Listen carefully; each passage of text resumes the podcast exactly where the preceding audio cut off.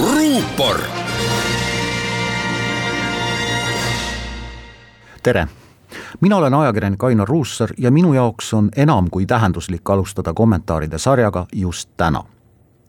täna täpselt kakskümmend üheksa aastat tagasi muutus Eesti kõvasti rikkamaks täna kakskümmend üheksa aastat tagasi lisandus Eesti kuulajate menüüsse üks uus eestikeelne ja eestimeelne raadiojaam, mis seadis sünnist alates eesmärgiks olla usaldusväärse info edasiandja, erinevate arvamuste vahendaja ja analüüsija ning muidugi ilusa eesti keele rääkija. tuhande üheksasaja üheksakümne teisel aastal alustas linnahalli paeste seintega keldris ilma ühegi aknata ruumis raadio mõtlevale inimesele, Kuku toonased raadiokuulajad mäletasid veel hästi, kuivõrd suur väljakutse oli saada tõest informatsiooni või aimu maailma populaarsematest muusikapaladest.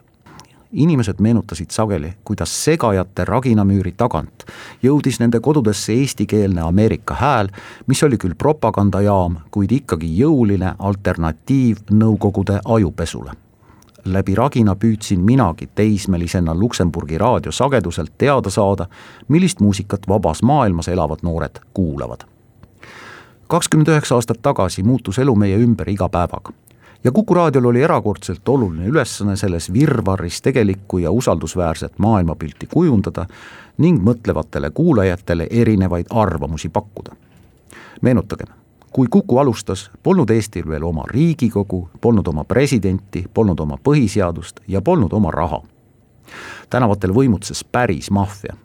mitte Ameerika filmidest laenatud, vaid tõeline organiseeritud kuritegevus ja tänapäeval mitte midagi ütlevad sõnad nagu linnuvabriku mehed või permikad või tšetšeenid omasid ohtlikku ja kurja tähendust öösiti viisid vargad majaseintelt metallist tuletõrjeredeleid, vahel ka metallist skulptuure ja kangutasid üles isegi raudteerööpaid.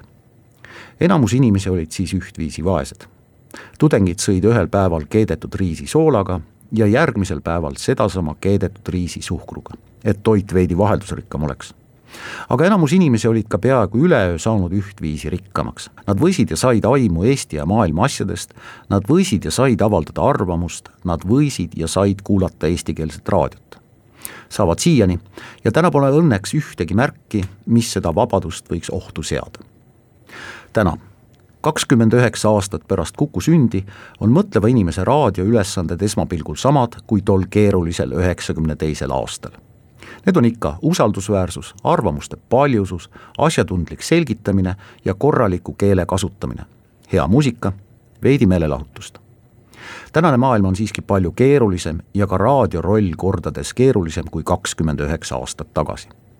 täna on ajakirjaniku tööd teha palju-palju keerulisem kui kakskümmend üheksa aastat tagasi.